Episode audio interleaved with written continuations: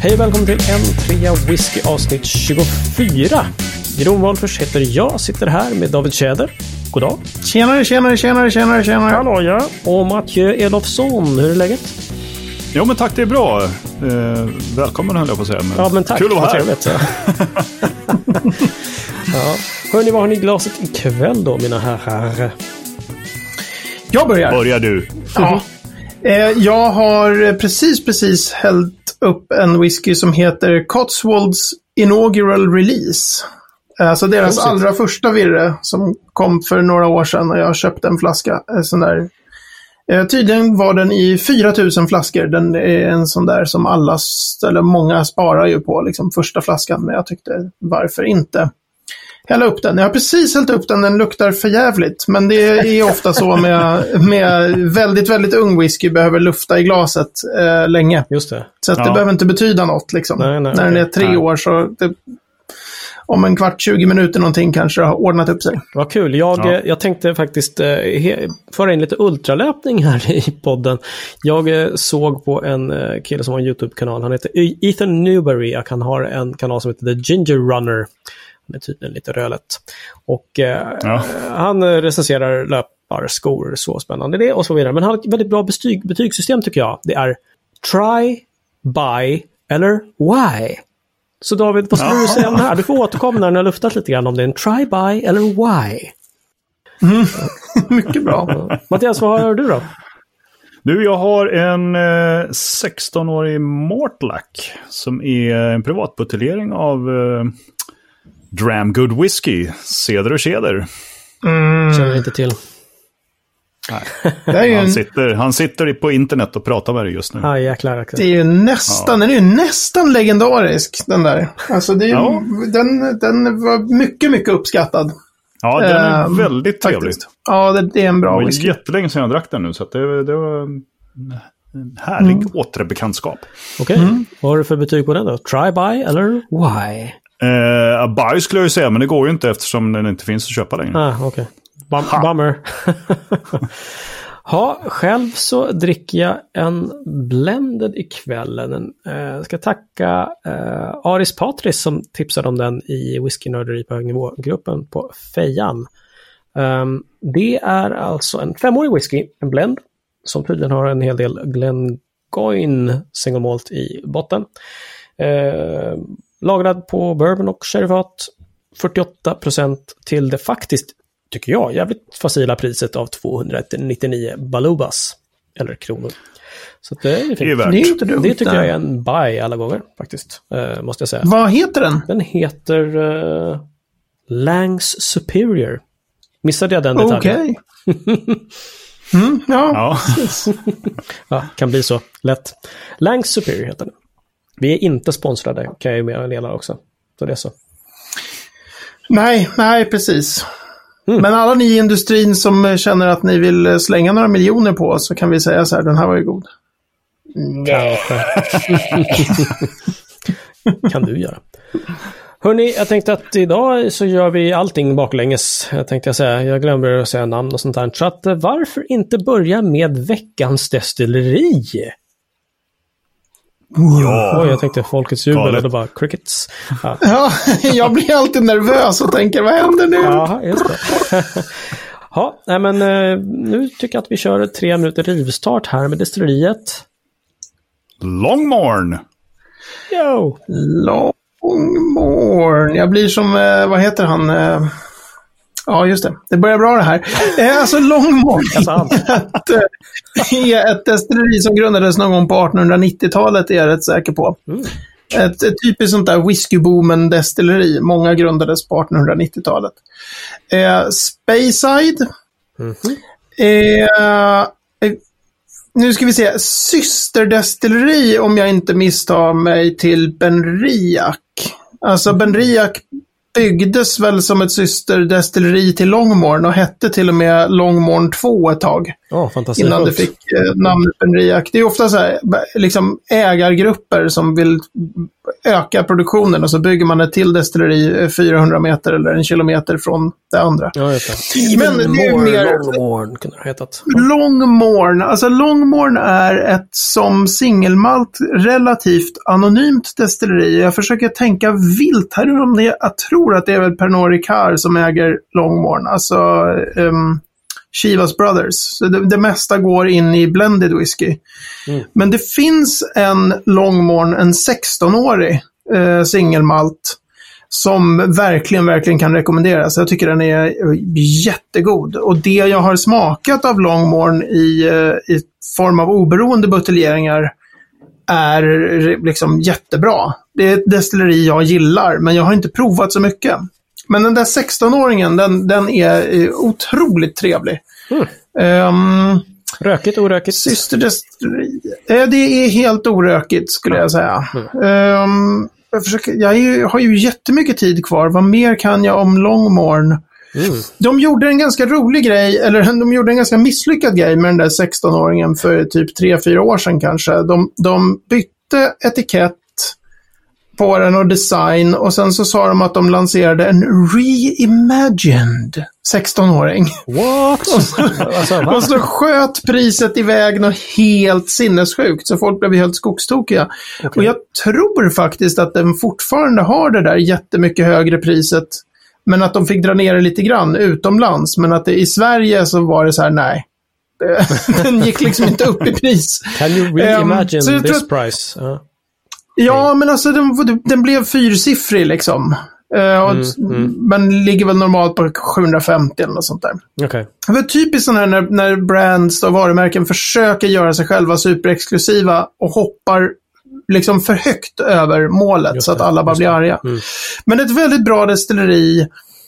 Framför allt går till blended och jag kommer eh, verkligen drömma mardrömmar om huruvida det är, jag tror att det är Pernod Ricard, alltså Chivas Brothers. Och vi är i Speyside och där var det tre minuter. Snyggt.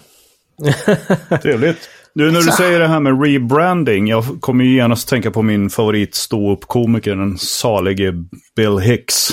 Som hade någon liten passus där han sa att eh, If you're working in marketing and advertising, kill yourself.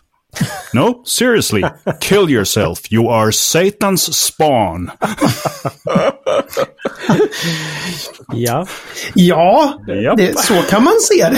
jag tycker nästan att han var lite drastisk. Eller? Ja, ja. Lite, lite drastiskt. Men han är ju... Han var ju ganska milt för att vara honom kan man säga. Ja, jo, han, är, han kan vara brutal, eller kunde vara brutal kanske. Ja, jävlar. Eh, men det, är, det är typiskt eh, bra destilleri alltså, det, det lilla jag har provat. Det finns någon 23-åring också som jag har provat på någon sån här whisky show som var helt amazing. Ah, nice. Som också var, men jag tror att det bara är 16-åringen som finns lite mer brett Mm, tillgänglig. mm. Så här. Okej. Ja, men tack för det. Och då återgår vi till vårt normala program tänkte jag säga. Nej. Idag så har vi snackat om att vi ska prata lite mer om skärningspunkter. Som ni har väntat, eller hur? Ja, Ja. Eller hur? Ja, jag har väntat. Du har väntat? Jag har, alltså det, det är ett ord som man hör ganska ofta eh, i, liksom, i, när man pratar om whiskyproduktion. Mhm. Men jag har, eh, jag förstår inte riktigt vad det är och Nej. liksom vad det gör. Och jag har förstått att det liksom bidrar till smaken på, men rent sådär tekniskt, vad är det? Vad är en skärningspunkt? Hur kommer man fram till den? Vad, vad gör den? Hur, Ja, hur vet man? en beskärningspunkt är ju när du går ut och till äppelträden och så plockar du... Nej, kanske inte. Ja, det är, det är lite handgripligt. Ja, Här sätter jag sågen. Eh, exakt. Ja. Skärningspunkt, alltså är det inte... Hmm, jag föreställer mig eh, att du står vid ditt eh, spritskåp, upplåsta spritskåp kanske man ska säga då. Eller hur? Eh, och så flödar alkoholen och du med fingret eh, fuktar, fingret luktar och där känner du att nu jävlar, nu är det, nu är det fint här. Och så vrider du om den här och börjar samla ihop spriten. Och då har du nått den första skärningspunkten. Är det inte något sånt? Alltså, du är ju professor. The professor of whiskey. Det är Jeroen Wolfers. Eller hur? Ehm, det är ju... Det är precis, man brukar prata då på engelska om first cut och second cut. Det där är då first cut, alltså första first cut is the skärningspunkten. deepest. Det vet vi ju alla sedan gammalt. First cut is the Ja. deepest, det är sen gammalt. Ehm, nej men så här, det, det, det, man kokar ju saker i sin spritpanna och så börjar det rinna sprit ur spritpannan. Mm. Och det eh, beroende på hur stor panna man har och hur mycket man kokar, men det pågår ju liksom i några timmar det där. Just det. Eh, som det rinner eh, destillat eh, ur kondensorn som är kopplad till spritpannan. Men allt den där spriten vill man inte lägga på fat. Just det. Så att först kommer den där förspriten och sen så har man en skärningspunkt. Och då skär man över till det som heter hjärtat, som är själva newmaken då, det som är råspriten till whisky, det som Mattias tycker är så gott. och sen efter en viss tid, då kommer man till andra skärningspunkten och då skär man från hjärtat till det som heter eftersprit. Var det inte så här att den förspriten, den var eh, inte bara äcklig utan den kan ju till och med vara giftig? Var det så? Ja, ja, absolut. Även, även efterspriten och det finns giftigheter även i New Make och så, men den första förspriten är, är ganska giftig. Mm. Men då, eh, alltså jag är med på det här att man skär där och man skär där. Men, men hur vet man när man ska skära? Det är ju för fan liksom genomskinlig vätska vi pratar om. Tar man ut och smakar, luft, doftar på det? Eller hur vet man liksom att Du sticker ja, men nu har det här giftet försvunnit? Nu är det bra sprit. Hur vet Nu man är det bra. Ja, men så här, om man tänker sig, eh, det finns ju två eller tre eller fyra eller tusen olika sätt att göra det här. Men om, man, om vi tänker oss att vi är i modern tid och vi, eh, vi börjar jobba som destillerichef på ett destilleri där allting redan är satt. Mm. Alltså om man, det, det byts ju destillerichefer rätt ofta i Skottland. De, Dels så blir de ju gamla liksom, men det är också karriärvägar så att man, man eh, är någonstans ett tag och sen så drar man vidare. Japp. Det som en destillerichef inte ska peta i då, det är ju råspriten. För den har man ju då, där finns det ju ett recept. Den ska göras på ett visst sätt. Det blir lite konstigt om man blir så här destillerichef på Bomore och så säger man, nej men nu kör vi orökigt liksom. Ja. Ja. grattis till Bomores alla kunder om eh, Tio tio, år, år. När, liksom. Så. Och det är ju samma sak med skärningspunkterna och jäsningstiderna och liksom alla de här sakerna som, som hör till receptet. Där gör man ju, någon annan har redan satt det. Mm. Men om man då normalt sett så som de kommuniceras när man ska berätta för folk att hur skärningspunkterna ser ut. Då brukar de kommuniceras som alkoholstyrka. Därför Jaha, att okej. alkoholstyrkan på spriten som kommer ur spritpannan under alla de där timmarna, den är inte konstant. Nej, Mm. Och grovt sett så kan man säga att den sjunker över tid. Okej, Det, mm, så det- är, detaljerat så är den stiger faktiskt lite, precis precis i början så har den en litet hopp uppåt. Men sen så sjunker den Mm. över tid. Och då kan man ju då säga att när spriten eh, är, säg kanske vid, eh, vad ska vi dra till med? Vi, har några vi tar några höga skärningspunkter bara för att. Så säger vi, ja, när, när det är 75% alkohol, eh, då gör vi vår första skärning. Och den andra skärningen gör vi så högt som vid 68, säger vi. Då har vi ganska eh, höga skärningspunkter. Eh, det betyder ju i praktiken att någon har ju provat sig fram till det där receptet Ja. Ja. och kommit fram till att det är så här eh, destilleri X eh, liksom ska smaka. Mhm. För att eh, det luriga liksom är att i, i praktiken så, så alltså det kan göras dels maskinellt, alltså maskiner kan känna av. Så att man inte behöver gå in och hålla på och nosa och dofta. Och på sådana här Mm, gigantiska skotska destillerier som stånkar ut liksom 8 miljoner liter om året i räknat som ren sprit. Alltså omräknat till absolut alkohol. Ja. Där håller de ju inte på och bara, men vänta lite nu här, jag tror att om vi skär om det är 30 sekunder kvar, för jag anar att de provar ju, det, det, det är ju liksom det är sensorer helt det, enkelt. det är sensorer som bara helt enkelt räknar då densiteten Ah, på vätskan på Okej. spriten och bara nu är vi vid Och det luriga då om man ser det historiskt, Mm. när folk skulle skära vid, vad jag nu sa, 78 eller Mm, mm. vad jag nu drog till med för en siffra. Ja. Eh, då är det ju så här att alkoholhalten mäts ju i en vätska som är 20 grader Mm. Celsius. Just det. Ja. Spriten som kommer ur spritskåpet kan ju vara, ha vilken temperatur som helst. Den Mm. är ju definitivt under 20 grader, men den, eh, alltså för det har ju Den har Gått genom kondensorer, precis. så att- ja. Då hade man ju så här jättekrångliga omvandlingstabeller och så hade man det som heter en hydrometer. Och sen så sänkte man ner, Mhm. man har en så här hydrometer, det ser ut som, ungefär som en termometer med en, med en tjock botten. Ja. Och så läser den av och så säger den siffran bla bla och sen säger man temperaturen just nu är 17 grader eller 14 grader och så står man med såna här omvandlingstabeller och bara skär. så att det, var ju, det var ju svårare förr. Och på riktigt Ja. små destillerier, då skär man ju eh, med doft och smak. Jaha, Men okej. alltså, Ja, då, alltså- i tidernas begynnelse, då måste ju någon ha dött när de har smakat på den här liksom, första spriten som ju är giftig. Ja, fast den är ju inte giftig som i att man så här... Angus, kan du gå in och smaka?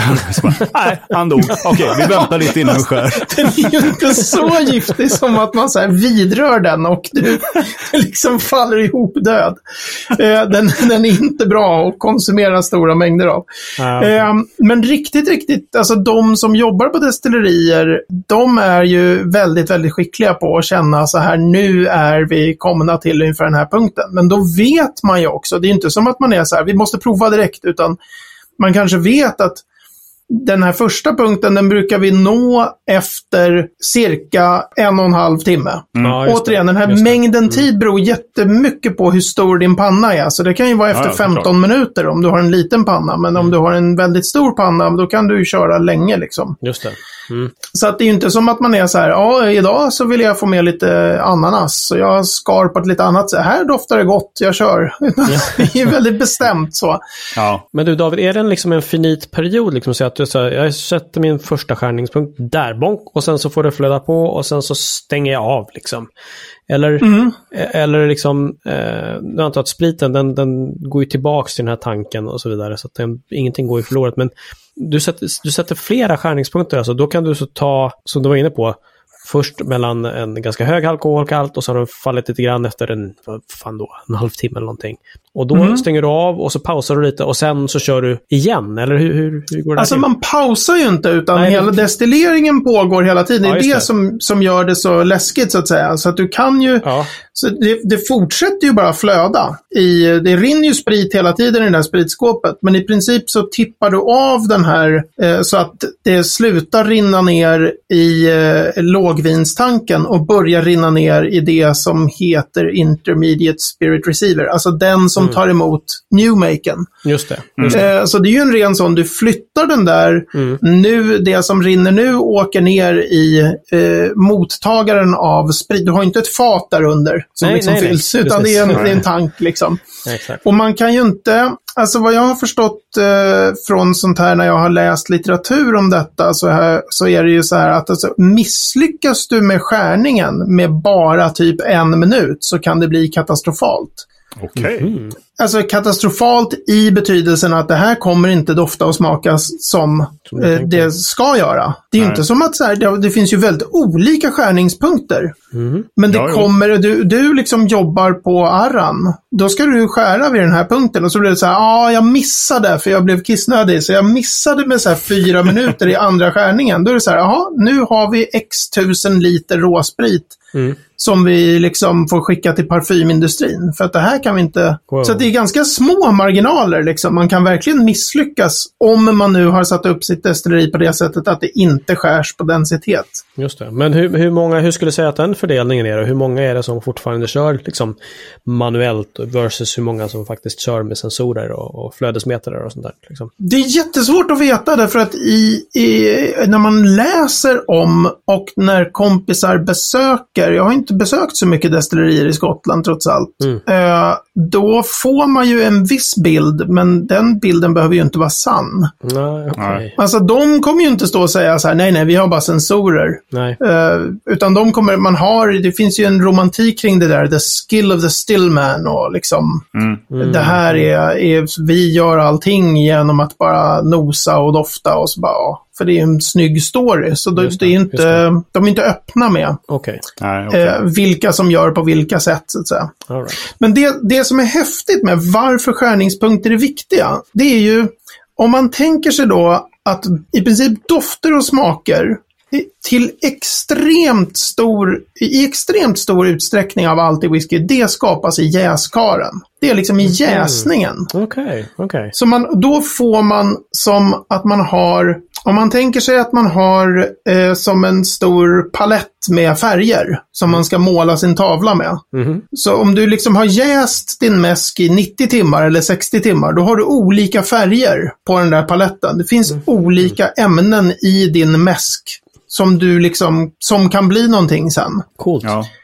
Men sen när du står där vid spritskåpet, då kommer ju de sakerna som är high boilers, alltså som har en väldigt, väldigt låg kokpunkt, som börjar ångas av fort. Mm, mm, De kommer ju komma först. mm, just det. Mm. Och sånt som har, är, är väldigt, eh, nu måste jag säga, high boilers va? Alltså de high och low boilers. De som behöver eh, hög temperatur för att börja koka Mm. och förångas. Ja, ja, De kommer ju komma sent. Det kommer ju ligga kvar i botten just det. av pannan. Mm. Mm. Det makes betyder sense. att den här spriten som flödar, den ändrar karaktär något våldsamt under själva körningen. Men shit vad spännande. Ja, alltså vad, vad svårt.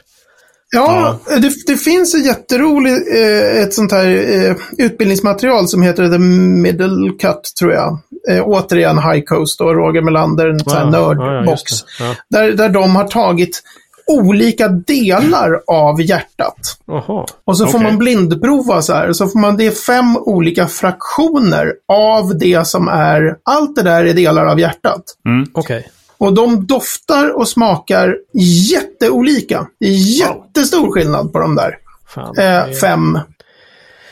Ja, det gör ju det här riktigt coolt liksom ändå. Att, att när man ska få ihop det här så får man liksom så här, du får inte stirra dig blind på det första. Utan du måste få med allt och du måste så här, ta helheten Mm. liksom. Det är ju, är, är, man blir ju helt sjukt imponerad av, av hur, hur fan folk får ihop det här på ett, till ett så Ja. välsmakande sätt liksom. Mm. Ja, och det som, är, det som är ballt med det hela tycker jag är liksom att man, om man tänker sig att man är Destilleri X, liksom. Om man är den nya destillerichefen på, vi har ju pratat om Arran har jag nämnt här då, så här. Mm. Och, och då är det så här, här är våra skärningspunkter. Mm. Don't muck about, liksom. Just Det det. här är det recept vi har satt och, och så här, och kan man tycka så här, men vadå, om man tar lite mer eller lite mindre, det spelar inte så stor roll. Men då är det, om du tänker den där paletten med alla de där färgerna, så tänker du att först kommer alltid gult. Mm. Sen kommer alltid grönt. Om man tänker sig liksom i färg, på färgsätt så är det så här, men vi vill inte ha gult, för gult är inte arran. Just det. Nej.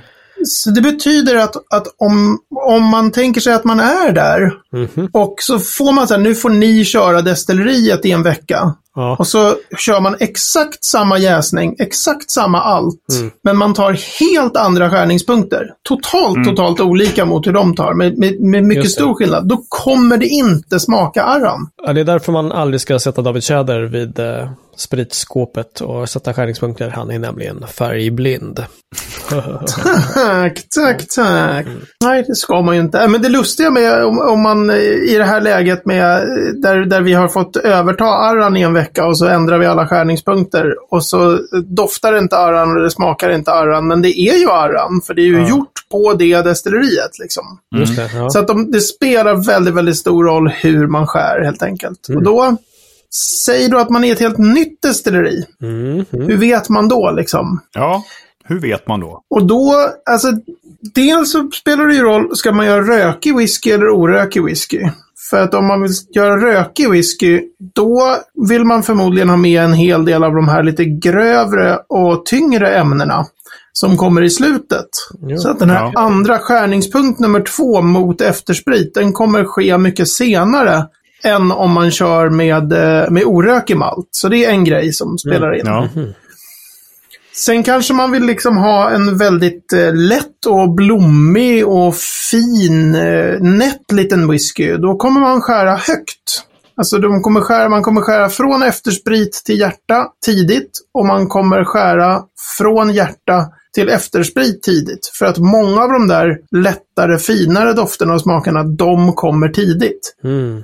Ah, okej. Ja. Så där har du till exempel varför Daftmill då, eller Daftmill, för Queens really? English. It's not Daftmill, Ja, man. Men, Det är Varför det är, en sån eh, doftar och smakar som det gör. Liksom, de har höga skärningspunkter. Och det är därför om man tar en sån trippeldestillerad whisky som Ockintoshan då. Varför i, i, i min uppskattning i alla fall, jag tycker att den är ganska meningslös. Det finns så lite karaktär i, i den. Liksom. Det är bara, jaha. Och de skär, dels så destillerar de ju tre gånger. Så det blir ännu renare sprit då. Det blir liksom högre alkoholat. Och sen skär de jättehögt. Jaha. Superduper högt. Och så kan man skära eh, då sent och så får man en lite annan grövre stil. Och sen kan man ju skära väldigt brett.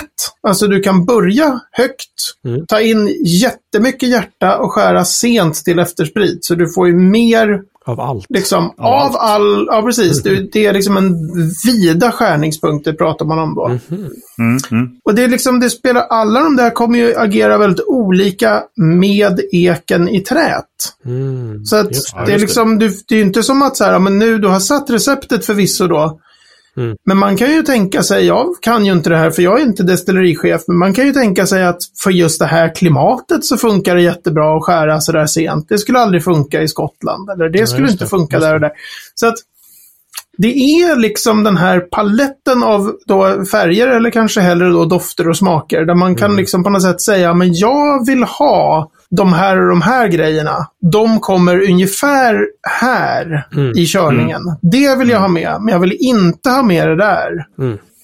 Och det finns ju jättemycket konstigheter liksom som man, om man, om man tar just den här skärningen mot eftersprit. Om du missar den helt, då börjar du ju få liksom typ eh, ruttna ägg och alltså det, det är ju Oh. riktigt, riktigt nasty grejer som kommer där på slutet. Mm.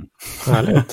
Du ser ju ruttna ägg som alltid är dåligt. Så att det finns ju ingen som säger, ja men vi brukar skära mot eftersprit när det, när det är så här typ 40 procent. Det finns liksom inte.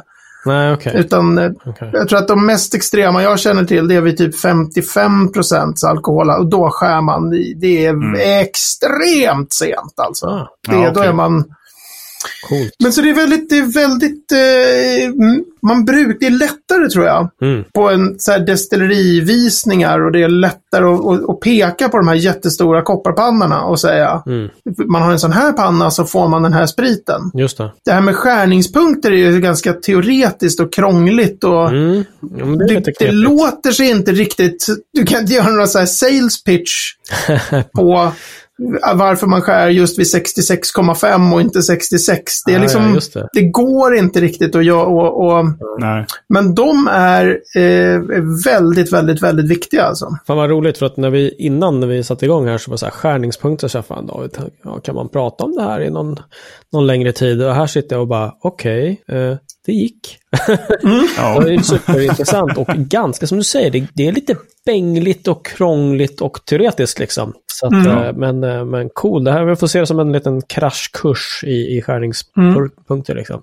Jag tycker Jag det är så tycker- fascinerande att det, det är återigen bevisats vilket enormt hantverk det här är. Alltså så jäkla mycket grejer man måste ha koll på Eller för att hur? kunna göra god sprit. Liksom. Mhm. Ja, ja visst. Och också för att få, det är ju det som är det ännu ball, det ballaste tycker jag med just nya destillerier.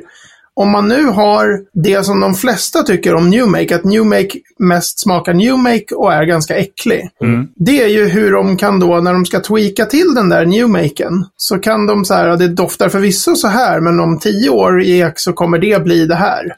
Precis. Och hur de kan Precis. känna skillnaden liksom mellan, nej men den här körningen blev lite annorlunda. Och Just själv det. doftar man på det och bara, ja det doftar New Make. Ja, ja, det är otroligt Alltså, fascinerande. det är faktiskt, som Ja, du säger det Mattias. är, det är på skithäftigt riktigt. hur någonting som kan vara så äckligt. Det kan bli så gott. Det är Men tänk dig som att du har ett, som att har ett, ett bord med jättemycket frukt och så, så väljer du, jag vill ha det här och det här. Då blir ju middagen, den kommer, ja det blir en fruktmiddag då. Men då kommer den smaka på det här och det här sättet. Din fruktarian. Du valde bort vissa grejer från början, de kan du aldrig få sen. Just det. Just När jag är 20 år på ek. För att du liksom, nej, de, de hade du inte med. Så det var allt. Och nu ska vi runda av lite grann här med eh, veckans ord. Och eh, det här får ni faktiskt ett bonusord på köpet kan man säga, eller hur Mattias? Ja, eh, vi ska idag få veta lite mer om de två orden som är lina och flight. Och det är inte samma Jag sak. anar att de har någonting med varandra att göra. Mm. Men det kanske ni vet, eller? Alltså det är väl när man eh, har eh, prov, whiskyprovning helt enkelt. Att man... Eh, ja, de, de whiskys man ska prova, det kallar man för sin lina. Ja, nej, ja. Ja. ja. Men är inte flight samma sak då?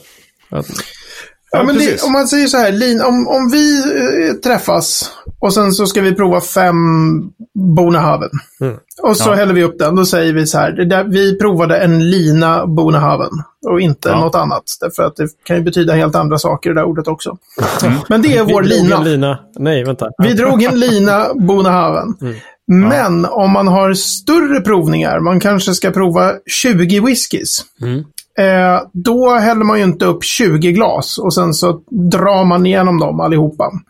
Nej. Utan då delar man ju upp det. Så man provar först fem och sen dricker man lite kaffe och äter lite vitt bröd för att liksom eh, få smaklökarna lite mer neutrala. Och sen så tar man nästa lina Just det. som är fem och nästa som är fem och nästa som är fem. Och varje sån där när man har flera då, då är det flighter. Det är fyra flighter. Mm. Ah. Flight 1, bla bla bla bla bla bla bla bla bla. I flight Ja. 2, bla bla bla. Mhm. Men hade man bara de där fem, då är det en lina. Okej. Men Så vänta det är- här nu. Eh, har man provningar där man drar i sig 20 olika whiskys? Alltså då är man ju helt jävla plakat när man är klar.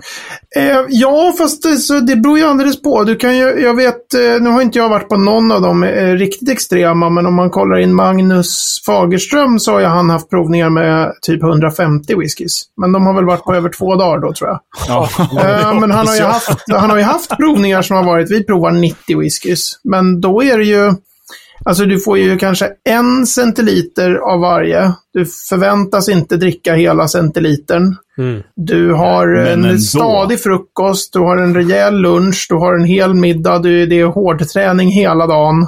Mm. Så det är inte liksom... Det är klart Jo, att jo. jag har aldrig varit på någon sån mastodont heldags... ehm, Nej. provning så, men, men eh, det är ju inte några... Alltså 20 whiskys kan man ju faktiskt prova om man provar en halv centiliter egentligen är det enda man sväljer av Ja, 20 jo, whiskys. Det är, Men det är ändå Det är 10, 10 centiliter centiliter, sprit det är- i. Men jag tänker mer också, Ja. förutom spriten, just att hålla smaklökarna någorlunda pigga och glada. Det måste ju vara Ja. rätt knepigt liksom. Ja, men de som kan det där, som, som är provningsledare. Jag har ju inte alls hållit några många provningar och jag har definitivt inte hållit några sådana där stora provningar. De vet ju hur man gör. Alltså, det. bland annat kaffe, vitt bröd, en viss typ av mat. Så man kanske inte liksom mörsar på med en kebabtallrik mitt i. Ehm, så, Ja, precis. Men efter så åttonde koppen kaffe är man också lite så här... Åh. ja.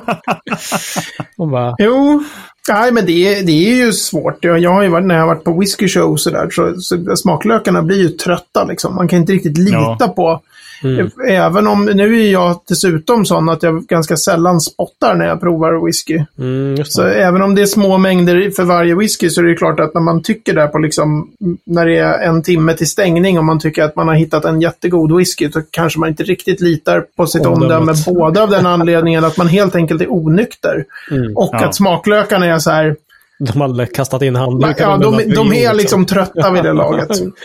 Så är det. Ja. Men många flighter, absolut. Det, det kan man ha. Men det gäller, det Ja. gäller att organisera det och att se till att, att folk... Eh, att det helt enkelt inte häller upp så mycket i glasen. ja, just det. Nej. Det är ju faktiskt ett Ja. väldigt bra tips. Och med det tipset så tänker jag att vi stänger butiken för ikväll. Vad säger du om det, gubbar? Ja, vi eh, avslutar den här sista linan i den här flighten. Jag tänkte, du, jag skulle ju återkoppla på den här. Vad var det? By...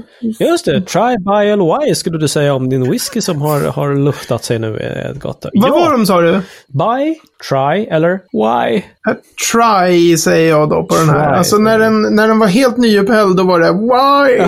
Men så är det med, med treårig whisky. Just det. Och nu är den så här, den här är kul att prova. Ja, Det doftar enormt mycket bättre nu, men, men varför man skulle köpa sig en sån här flarra annat än som ren investering, det, Mm. det är svårbegripligt. Det är inte, njut, det är inte för njutningen. Nej, nej okej. Ah, okej. Bra. Det var Ja. bra att du kom ihåg att du skulle återkoppla. Det är Mhm. Och du som lyssnar kan hitta mer info på n3whisky.se 24. Även på eh, facebook.com n3whisky så kan du komma i kontakt med oss och gör gärna det. Det är flera som skickar astrevliga kommentarer, roliga och knepiga frågor som vi ska ta upp här längre fram. Så att eh, gör gärna det, det gillar vi. Hörni, David, Mattias, vi tackar för ikväll och eh, Tack ska du ha det. Så- Det som händer på den här videoskärmen. Tack och godnatt. Godnatt, godnatt. Tack. Bra.